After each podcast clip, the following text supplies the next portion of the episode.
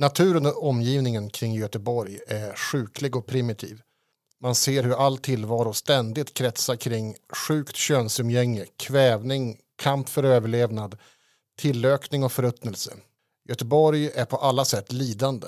Men å andra sidan är det kanske samma sorts lidande man ser överallt annars.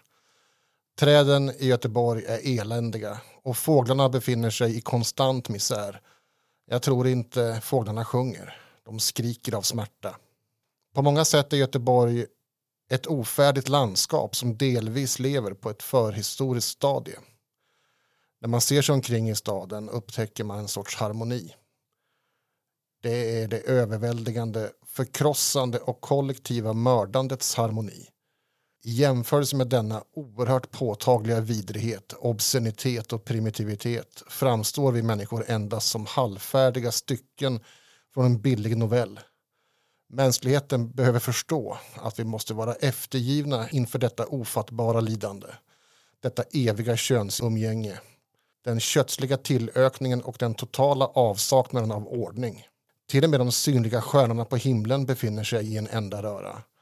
Det finns ingen strukturerad harmoni i universum och mänskligheten måste förlika sig med tanken på att det aldrig existerat någon kosmisk ordning på det sätt man trott. Jag säger dock allt detta i full vördnad inför Göteborg. Jag hatar inte Göteborg. Jag älskar Göteborg. Jag älskar henne mot bättre vetande.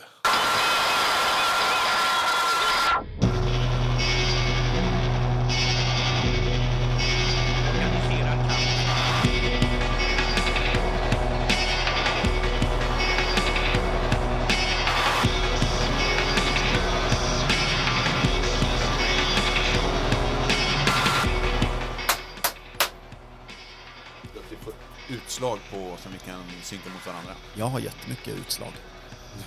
Kul. Tack. Främst under midjan. Ha, here we go again. Hej Daniel, Hej hej, välkommen till nya Studio Sörmland. tack. Hur är det med dig? Det är bra, det är fint. Det är ju helg. Ja. Det är det. Eh, full transparens. Vi spelade in ett rollspelsäventyr i höstas. Just det. Jag fotograferade, la ut sociala medier till våra lyssnares jubel. Vi fuckade upp. Japp. Du kan lägga det till, den, till den, vad som börjar bli en ganska lång lista avsnitt som vi har lyckats försnilla på olika sätt. Det är eh, den eh, eh, spökliga versionen av att råka pilla in ett eh, minneskort eh, så att det permanent försvinner i ljud. Det här var vad som hände. Ljudkortet.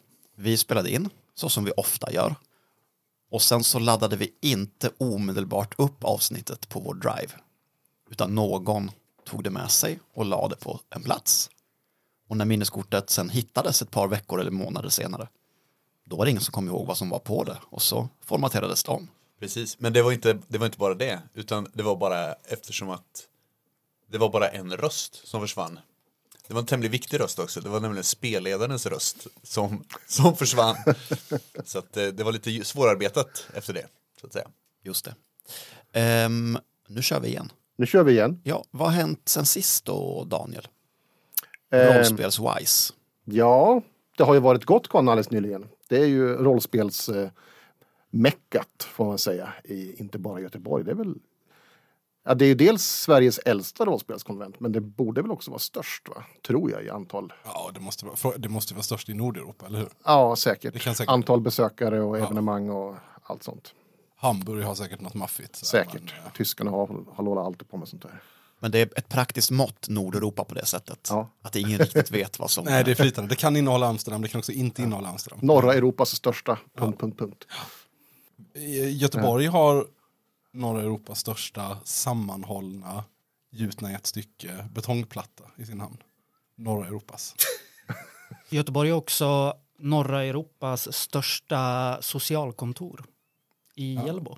Bra, ska vi gå vidare från vad norra Europa betyder egentligen? Eh, för du har också fått en eh, fin utmärkelse, eller en nominering. Ja, en nominering. Det var lite chockartat och väldigt udda. Jag har gjort lite efterforskningar på hur det egentligen gick till. Vad är det för märklig människa som har nominerat mig? Men jag har inte fått något svar på det. Men det är alltså speltidningen Fenix, en svensk rollspelstidning som har någon sorts eh, utmärkelse eller prisutdelning i samband med Gotcon då, varje år. Och då blev jag nominerad, eller Den svarta jorden blev nominerad i kategorierna bästa rollspel och bästa rollspelsmiljö. Och bästa rollspelspodd. Eh, nej, Okej. Det var värt ett försök. Eh, ja. Men eh, nej, det, ja, det var ju fint på ett sätt. Men väldigt märkligt och lite, lite omskakande. Det känns som att man lite... För, det är någon som förföljde. Vem? Hur gick det till? En lyssnare. Välförtjänt. Ja, Ja, absolut Sen välförtjänt. grep storfinansen in och, och tryckte ner den vanliga, den lille mannen i sina Precis. skor. Och, Och så det blev inget pris. Nej.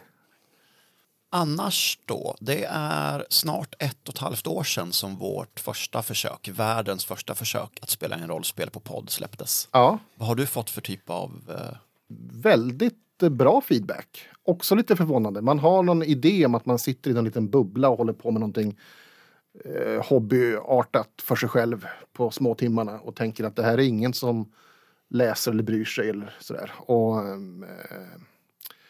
det har ju faktiskt över förväntan. Podden var det var många som lyssnade. Jag länkade till den och la upp den på sociala medier och det var ju väldigt många som var glada och nöjda och tyckte att det var toppen fått mycket bra eh, konstruktiv kritik också. Saker som kunde varit annorlunda eller bättre och så vidare. Det var ju bra. Och sådär, så att eh, jag är mycket nöjd. jag fick en skärmdump på att den, den absolut suraste sån anarko-anarkisten på Twitter tweetade bara helt kort och gott. Jag gillade den svarta jorden ganska mycket. Men jag hade kompisar, jag hade vänner som var så här, ni får sluta hålla på och göra så jävla mycket nördgrejer. Det här, ni går för långt. Bara, det här är, kan inte hålla på så här. Som sen efteråt var så här, ja det var, det var ändå bra. Ni gjorde det bra. Folk gillar en bra, bra story. Vad ska vi göra nu? Ska vi presentera oss? Ska vi berätta vad som händer idag? Ja, vi kan ju kort börja bara och säga att det här är ju mer eller mindre en, en fortsättning på den förra, det, det vi spelade förra gången, första gången. Det vill säga vissa av karaktärerna nu är ju de samma som sist, fast det har ju gått tid. Sista, förra gången vi spelade så utspelade sig ju hösten 2019. Och nu befinner vi oss 2023, men inte i april utan i februari, sent i februari. Och eh, vi kan väl börja med att låta er presentera er. Vem ska börja? Det får du göra. Okej, jag eh, ska fortfarande vara eh, då Adnan Hostic som har gjort en liten vända. Eller efter, det var ju lite mycket där på slutet, eh, konstigheter som hände och lite traumatiserande. Så att jag flydde ju först till Danmark, började jobba på den här bildbyrån. Och sen så, och det gick väldigt bra. Och För du är fotograf va? jag är, eh, precis, jag är fortfarande fotograf. Jobbade på en bildbyrå i Köpenhamn. Livet liksom vände upp och det började gå bra och sen så flyttade jag till Berlin såklart. Min självbild är fortfarande så vältränad, lång, vältränad, mörkhårig, välklädd. En, eh, en, eh, en eh, tall dark stranger helt enkelt. Eh, men sen så var det ju coronapandemi, väldigt mycket så Foodora-mat i Tyskland, ganska mycket stress, ganska mycket stress. Eh, och sen så, så att eh, jag har fått byta ut min garderob ganska mycket så att säga. Det har, eh, mina, kläderna som jag hade 2019 passar inte längre. Eh, men det är okej på ett sätt för att de är ju ändå inte moderna längre och så. Det är ju liksom, man kan ju inte gå runt i, i liksom 2019 års mode, det funkar inte. Nej. Så eh, nej men jag har gått upp kanske men, mellan 15 och 25 kilon.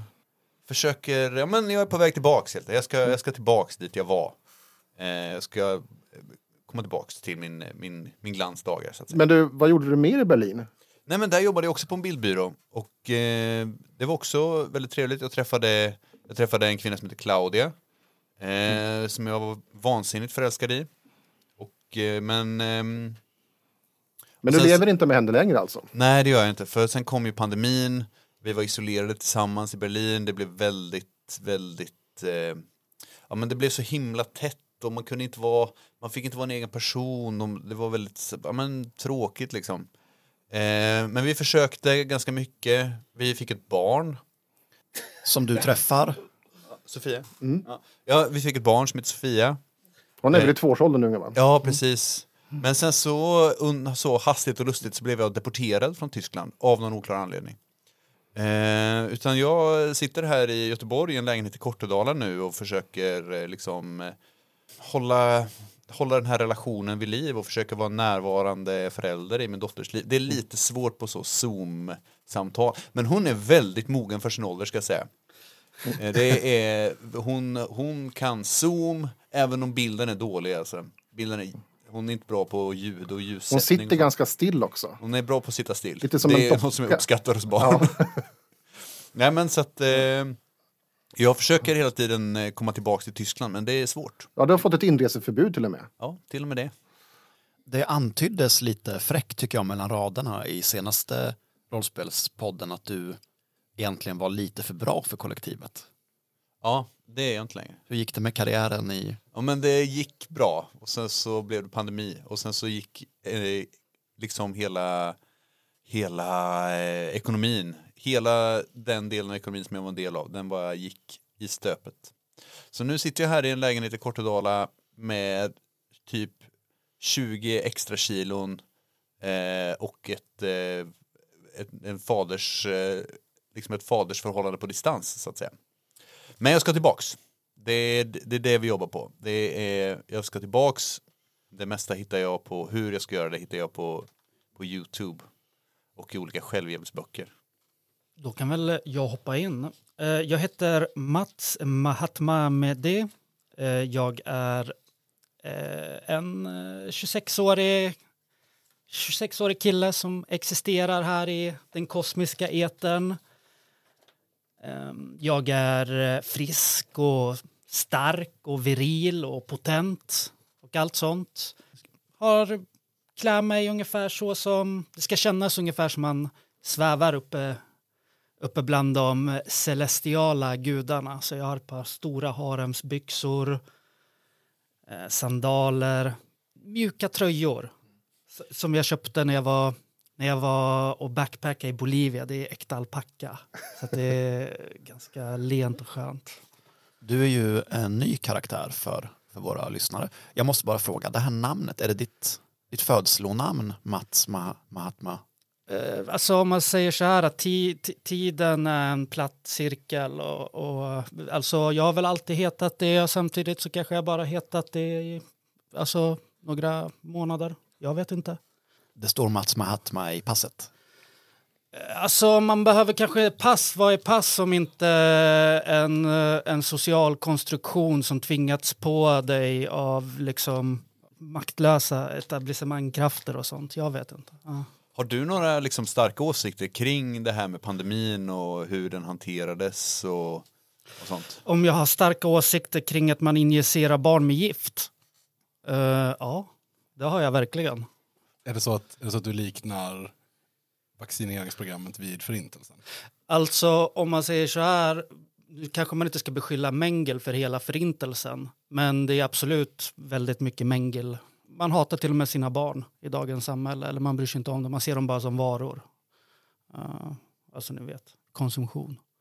Vad, hur, försörj, hur försörjer du dig? Eh, jag jobbar som, eh, jag jobbar som livs, livs, uh, livsstilsguru och coach. Jag hjälper andra människor att eh, försöka uppnå sin fulla potential. Och eh, det är liksom ingenting. Många människor kommer och frågar mig och säger alltså du, du ser väldigt eh, du ser väldigt glad och lycklig ut. Och då säger och frågar mig hur. Hur gör du? Och eh, då säger jag disciplin. Man måste jobba på det. Men man måste Sola sitt anus. Vissa säger det, men jag är lite mer inne på det här man är vad man äter, eller hur? Så att jag eh, tillhandahåller folk eh, olika supplement för att frigöra olika kreativa knutar och sånt man kan ha i chakrat. Och den delen, och det är jätteviktigt. Alltså folk vet inte, folk, ni vet cancer. Ja, bra, alla vet, alla, alla vet vad cancer är. Ja, jo. Ja, alltså man kan se på vissa röntgenbilder vart en person som har fått cancer att eh, sista tiden innan de diagnostiserar så kanske de säger ja ah, men han har varit så tråkig, han har slutat göra sin hobby eller vad det nu är. Och det kan man se att det korrelerar med att de kreativa knutarna i kroppen blockerar energin för att man vill skapa. Och det är ungefär där som cancern utvecklas också. Hatar din karaktär Ryan. Otroligt påfrestande att spela Men igenom. eh, Mats, Mahand, eh, eh, Mats Mahatma, det är väl också så att du har väl inte varit den här, den här upplysta liksom, Mats Mahatma, förlåt jag måste bara... Du har ju inte varit den här upplysta och liksom kunniga personen alltid. Du har väl, i, i, du har väl liksom fått hjälp. Du har ju träffat en guru som kanske har varit den som har gett dig den här kunskapen. Ja, ni vet eh, Buddha, han gick ju från att vara prins och sen så såg han världens lidande. Jag gjorde den motsatta resan. Jag såg världens lidande och sen blev jag en prins. Så jag har levt nere i, jag har liksom sett världen som det är. Jag har tagit mig igenom missbruk.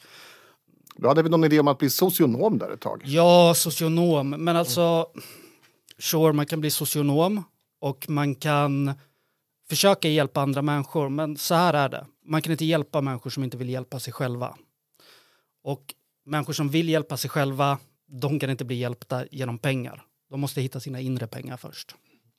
Eh, finns det någon gång under den här processen som du har sugit på tibetanska barns tungor? barn som vill kunna prata med gudarna en vacker dag behöver få tungan eh, välsignad eh, på vissa sätt. Så att jag förstår att det kan vara...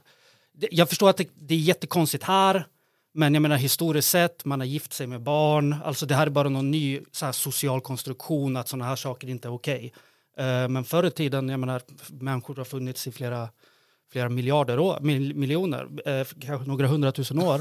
Och eh, jag menar, det är ju... Det kan, Ja, ja. vara, det kan vara värt för lyssnarna och andra att nämna då att eh, det var ju lite grann av en uppenbarelse för dig när du, när du träffade din guru och fick Ja, öppna ögonen här. Och det är, Ja. ju, det är ju en person eh, i Göteborg, som eh, Mogens Krabbe, Exakt. som också har som en egen liten följe kan man säga, eller organisation man säger så. Ja, en väldigt, eh, en väldigt upp, upphöjd och upplyst eh, man skulle jag säga. Ja. Ehm, han har ju inte sugit på min tunga än. Ehm, jag var ju liksom nere i mörkret där. Så kom eh, den här mannen. Jag såg bara en upplyst gloria runt om honom. Och eh, berättade för mig om hur världen egentligen fungerar. Det är som socionomi fast mer om ni vet, kosmiska krafter och så. Alltså, ja. Jo tack, jag har mött eh, Mogens. Så att, eh, Ja. Men nu är jag här. Jag, eh, jag har trä- pre- precis träffat en person som, eh, som jag känner att jag gärna skulle vilja hjälpa lite, lite extra på traven också i, i livet. För jag ser att han har det tufft just nu. Han är, han är nere i mörkret och han, han är ju liksom inte så... Han har ju lite äcklig kropp nu och så. eh, som kanske... Han är kanske inte det så, så, som, eh, så som Shiva tänkte sig när hon skapade honom. Har vi nästa man till rakning? Ja, jag spelar Ilmari Korhonen. Storebror till eh, min förra karaktär. Just det, Mirko som var med i första spelomgången. Precis. Ehm, och ehm, där har ju inte äpplet fallit väldigt, så väldigt långt från trädet. Det har fallit lite tidigare och har därigenom fått ligga och safta till sig lite längre. Men essentiellt så har bröderna Koronen, de, de hittade en grej någonstans i tonåren. De hittade ungefär samma grej. bristande personhygien. Bristande personhygien, dålig kosthållning, osund relation till folköl. Ilmar är 37 år gammal, porrfilmsmustasch och mycket piercings. Eh, och eh, tycker om, eller försöker eh, att dölja att han håller på att bli väldigt tunnhårig.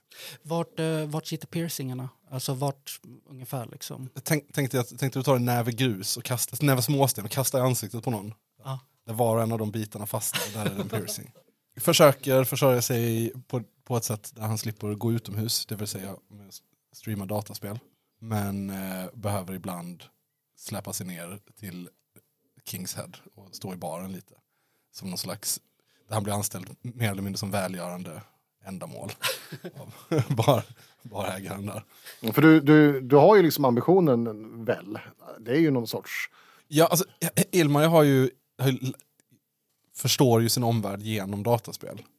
Ehm, och menar ju själv att han är väldigt kunnig inom framförallt historia för att han spelat väldigt mycket typ Europa Universalis eller vad de här spelen heter. Vet jättemycket om typ tyska tanks under andra världskriget och sådana saker.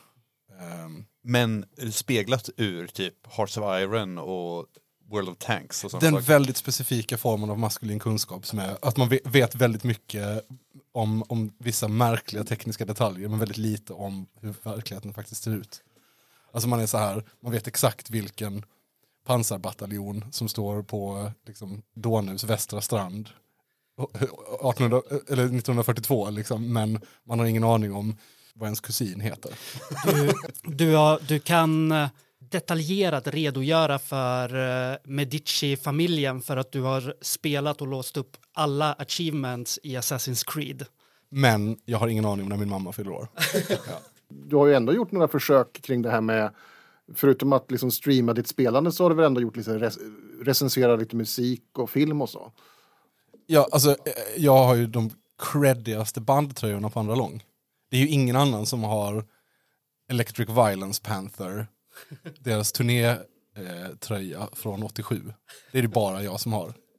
I Obs- Nordeuropa. Obskyr tysk speed metal. Obskyr tysk bil.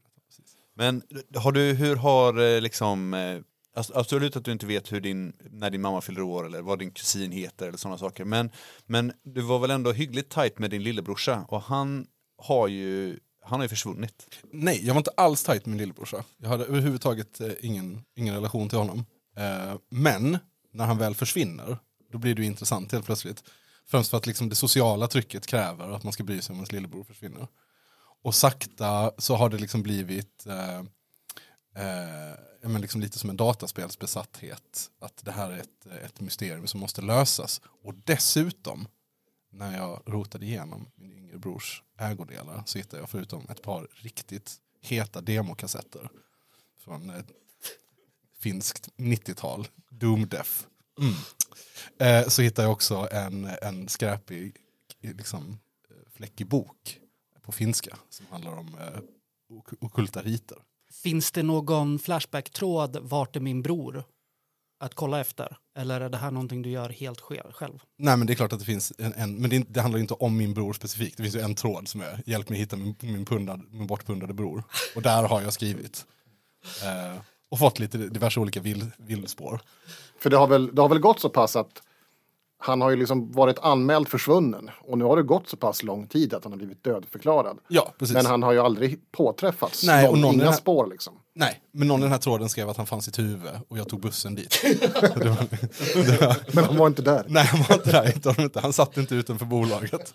Eh, så att, eh, men, men, den här, men den här boken då, eh, den har jag börjat läsa mer och mer.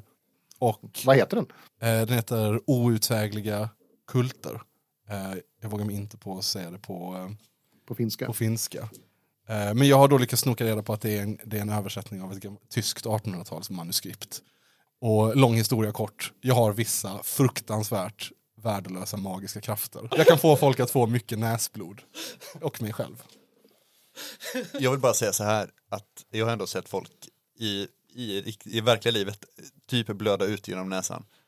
Eh, så att eh, näsblod är, kan vara en, en fruktansvärd kraft om man bara är gammal och skör nog. Och vi som då till skillnad från dig hade en nära relation med din bror 2019 vet ju att så mycket till liv var det ju ändå inte va, där mot slutet. Nej, och vad som också, vad som inte riktigt har börjat registreras på allvar i mig, men som är ett faktum, är att ju mer jag håller på att fingra i den här boken, desto långsammare går mitt hjärta, desto svårare är det att vakna på morgonen och desto mindre starka känslor känner jag.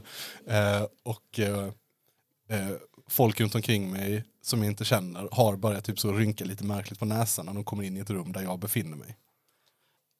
En sista fråga. Lyssnar du på nationalsocialistisk eh, death metal eller doom metal också? Alltså jag bryr mig inte om vad de har för politisk åsikt. I, eh, jag är intresserad av kulturen. Eh, men det är klart att vissa av de bästa plattorna är gjorda av rasande nynazister. Det- Ja, eh, Joel Andersson tillbaka, 33 vid det här laget. Opinionsbildare, kulturpersonlighet, eh, somliga skulle säga alldagligt utseende. Det tycker jag inte alls. Alltså nedtonat men ändå bandtischa, ironiska tatueringar. Jag tänker att vi ska backa bandet 2019. Därför att slutet på det förra äventyret resulterar ju i ett monumentalt avslöjande. Ett skop som jag naturligtvis och självklara skäl stod i centrum för. Sjukhusspionen, Doktor Esposito, allt det här såldes ju dyrt till kvällspress, tv. Vi fick sitta i tv-soffor, fick en del pengar. Det talades om utmärkelser som eh, Guldspaden, prestigefyllda uppdrag. Fick ett, eh, jag skulle säga muntligt löfte av Anders Lindberg om en plats på Aftonbladets kultursida. Eh, sen kom pandemin. Av någon anledning så tröttnar gemene spån på berättelsen om sjukhusspionen. Pengarna sinar. Och eh, jag skulle säga att till en början var det väl av rent taktiska skäl, men jag profilerar mig ganska hårt som så kallad klassisk marxist. Vi kan gå in på det mer senare vad det betyder, men eh, kan man säga socialdemokrat fast, fast riktig arbetare och så en realistisk syn på migration och, och eh, jobba lite på GP. Eh, skrev en avhandling faktiskt också på Göteborgs universitet, eh, klassisk marxism inom journalistiken. Eh, deltidsanställning på eh, ny jävligt fräscht eh, medieprojekt. Jag vet inte om ni känner till Bulletin. Så jag har hört talas om det. Det är liksom som Dagens Nyheter fast ja, Ja. typ. Man kan väl säga att eh, jag hankar mig fram. På det rent personliga planet hade en pågående kärleksaffär senast vi hördes med eh, serietecknaren och Malmöprofilen Nanna Johansson. Eh, tycker väl att det var rätt bra liksom, även om hon inte kanske alltid drog så här sitt strå till stacken. Det var mycket tv-spel. Eh, hon hade, alltså, mellan oss så jävligt trista kompisar. Jävligt tråkiga vänner. Alltså det var inte...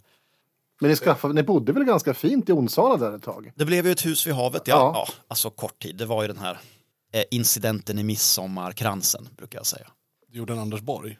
Jag skulle säga att jag minns inte helt tydligt vad som, ja under pandemin, ni vet den här grävande riktiga journalistiken där man är ute bland klassen och inte bara sitter på något jävla kontor. Den blev ju så här hämmad och jag som, ja men som många stora skribenter har lagt mig an med ett visst, ett visst drickande får man säga, som väl fick sin eh, implosion på den där festen i Stockholm. Men jag har hört talas om det. Det är som krigsjournalister som åker till eh, typ Darfur och rapporterar och så. Att de, när de kommer hem till det vanliga livet, de kan liksom inte vara, de blir, de blir förstörda, de måste tillbaka till kriget igen. Det är lite samma för dig då, eller? Det var lite samma och sen när jag väl släpps loss då så påstås det att jag ska ha eh, gjort Hitlerhälsning och skrikit eh, PK fitta framför en redaktör på Galago. Man kan inte ens lyfta högerhanden utan att folk påstår att det är en Hitlerhälsning. Nej, mina minnen är grumliga men jag är helt säker på att det var ganska avancerad ironi. Åtminstone tre olika lager. Ja, skitsamma. Eh, Nanna, allt det där, det är över. Eh, tyvärr så även eh, huset i Onsala fick sälja det med förlust. Bostadsmarknaden eh, kraschar ju.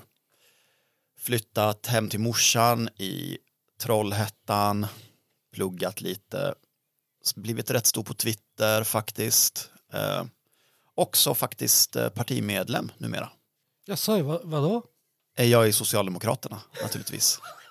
Är inte kommunistiska partiet. Nej, alltså det finns ju här i kranskommunerna runt Göteborg en del jävligt klarsynta före detta kommunister, eller äkta kommunister, beroende på vem man frågar. Men ja, eh, socialdemokrat, eh, bulletin, får in en kulturtext i GP då och då. Och framförallt så har jag precis nu fått ett jävligt bra gig. Jag träffade Paja Mola på tidskriften eh, och tankesmedjan eh, Tiden. Så att kulturnämnden, sossarna skriver för tiden, klassisk marxist, känner ändå att nu har jag, nu vänder det. Ska vi bara gå igenom, vi, förra avsnittet var vi inte så tydliga med det, men alla karaktärer sitter ju på en mörk hemlighet. Förra äventyret så var min mörka hemlighet att jag eh, hade varit med i samband med en, en eh, träning så hade jag fått en, en svår ryggskada som behandlades då på Sahlgrenska i någon sorts experimentell form och jag var oklar på vad som hände men drömmer väldigt mycket om ålar och eh, har konstiga minnen om ålar och, och tankar under den här, vad heter eh, stället? Otterhällan. Under Otterhällan där vid Esperantoplatsen. Det är ju någonting med de här minnena och drömmarna och de här experimenten som kanske har, har någonting att göra med att du plötsligt blev avhyst från Berlin och har inreseförbud. Du vet ju inte riktigt vad som hände. Det är någon, det är någon sorts minneslucka. Nej, precis.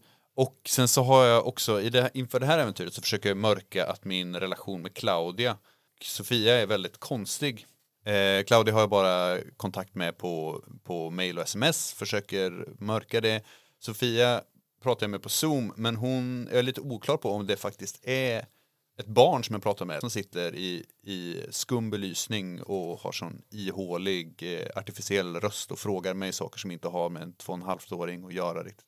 Vad jag äter, om jag tränar, hur jag mår, hur det går med min ångest, sådana saker. Just det, jag träffade ju eh, Mogens eh, Krabbe som är min guru. Jag är ju liksom, han har ju introducerat mig för den här eh, filosofiska spirituella skolan. Eh, jag vet inte om ni har sett, eh, har ni sett animen eh, Berserk? Nej. Nej. Nej, jag är inte pedofil. Nej, precis. Och där så är ju Guts som spelar huvudpersonen, han hamnar ju under vingarna på Griffith eh, som är liksom en sån här vacker, fager, duktig svärdsfäktare och så. Han är hela tiden lite bättre än Guts. Men till slut så blir Guts bättre än Griffith och genomskådar den här ondskan som han har. Och det är lite så det har varit för mig, att han kanske lärde mig lite för mycket för nu kan jag se eh, Mogens mörker. Jag kan se rätt igenom honom. Och jag vet att han är, han är farlig. Min, min mörka hemlighet är ju då att jag har kommit över en, eh, extremt kackig magisk bok som ger mig extremt begränsade förmågor och som också håller på att döda mig. Min mörka hemlighet är väl på det rent ytliga sociala planet. Att jag kommer ifrån många och långa generationer av snuskigt rika skärgårdsbor. Och på ett lite djupare plan så är det den här eh, absurda och obehagliga eh, kopplingen och eh, längtan efter havet och havets botten. Något eh, vagt eh, minne av ett djupdyk och en kvinna med fiskfjäll från barndomen. Dyker upp ibland. Det har väl hänt saker även i vuxen ålder. både, vad ska man säga, som, jag ska inte säga övernaturliga, men spirituella och ganska obehagliga incidenter. Men också Erotiska. erotiska, djupt, djupt erotiska på ett plan som du aldrig kommer att, kommer att förstå.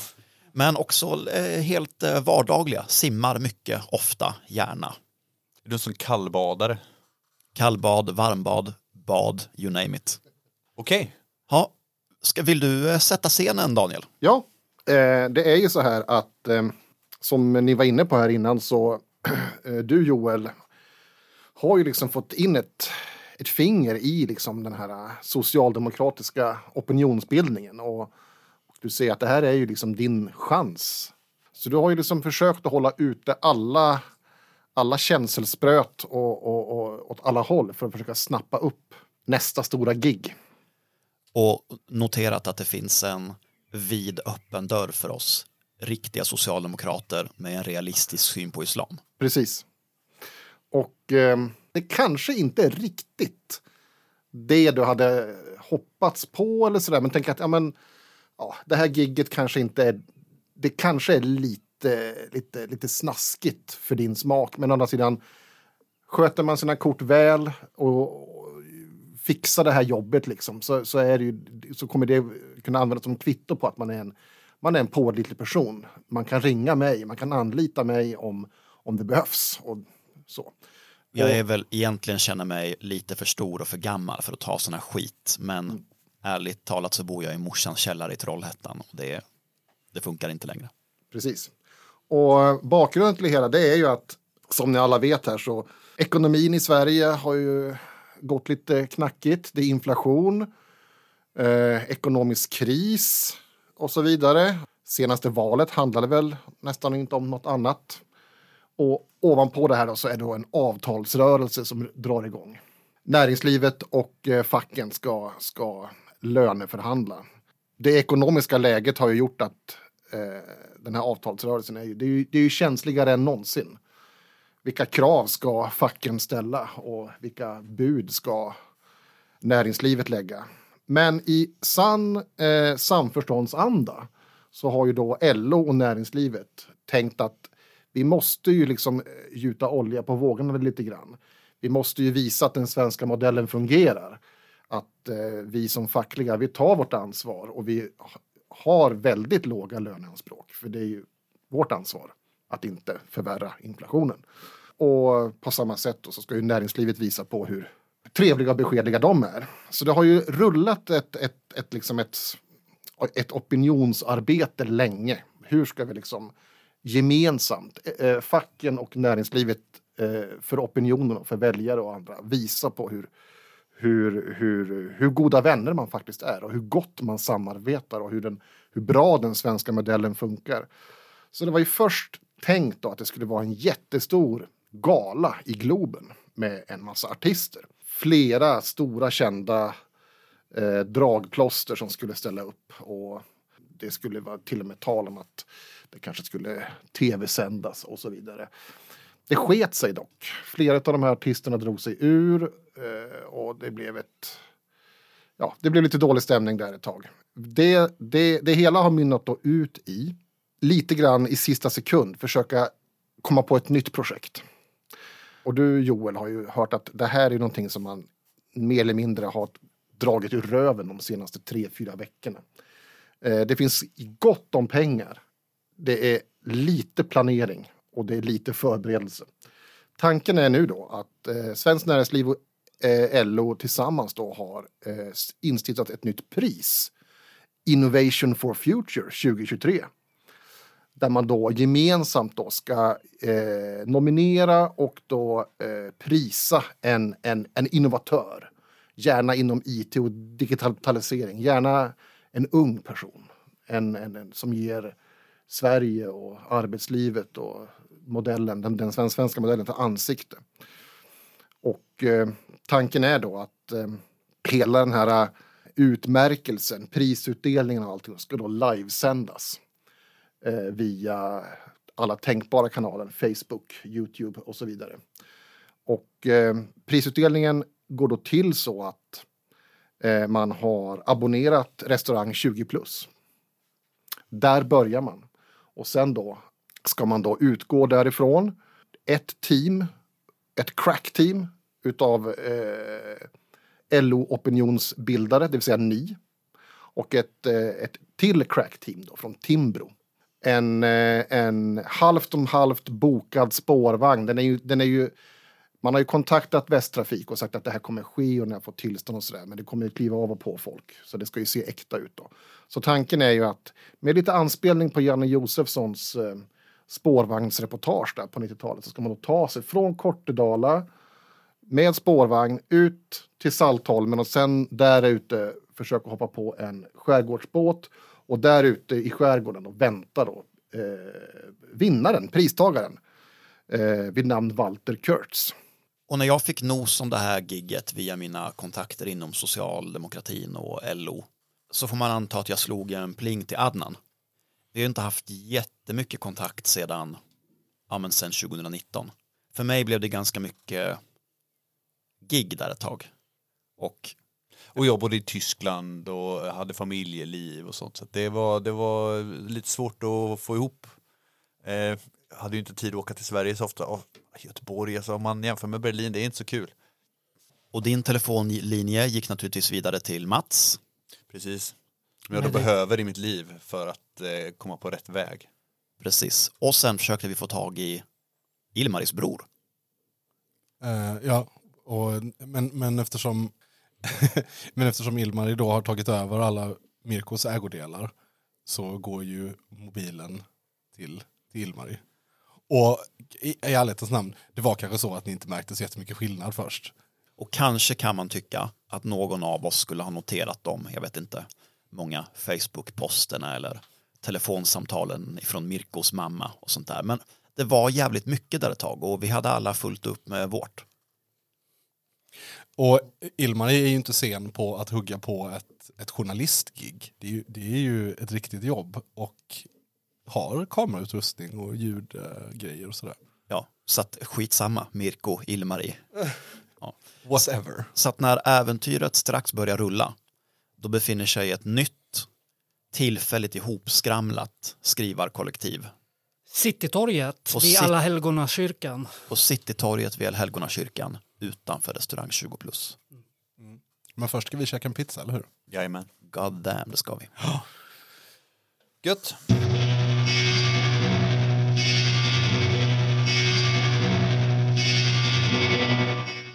Du har hört introduktionen till podcasten Kominterns rollspelserie Den svarta jorden. De nästkommande tre avsnitten finns alla direkt tillgängliga för dig som är betalande Patreon, men kommer också släppas med en veckas mellanrum under sommaren. För den som vill fördjupa sig i Den svarta jorden hänvisar vi till www.rollspelskollektivet.se där spelet finns att ladda ner i sin helhet. Mycket nöje. Denna sedelärande historia tillägnas Sebbe i Malmö. Livet är en ständig kamp mot kapitalet, den egna kroppen och slutligen entropin som kommer leda till att universum fryser och all rörelse upphör och allt levande dör. Men eh, du tog hem en del seger i den kampen och det är alla vi som finns i ditt liv jävligt tacksamma för. Vi i Komintern hoppas att vårt tramsande hjälper dig i ett snabbt och smärtfritt tillfrisknande. Vi ses!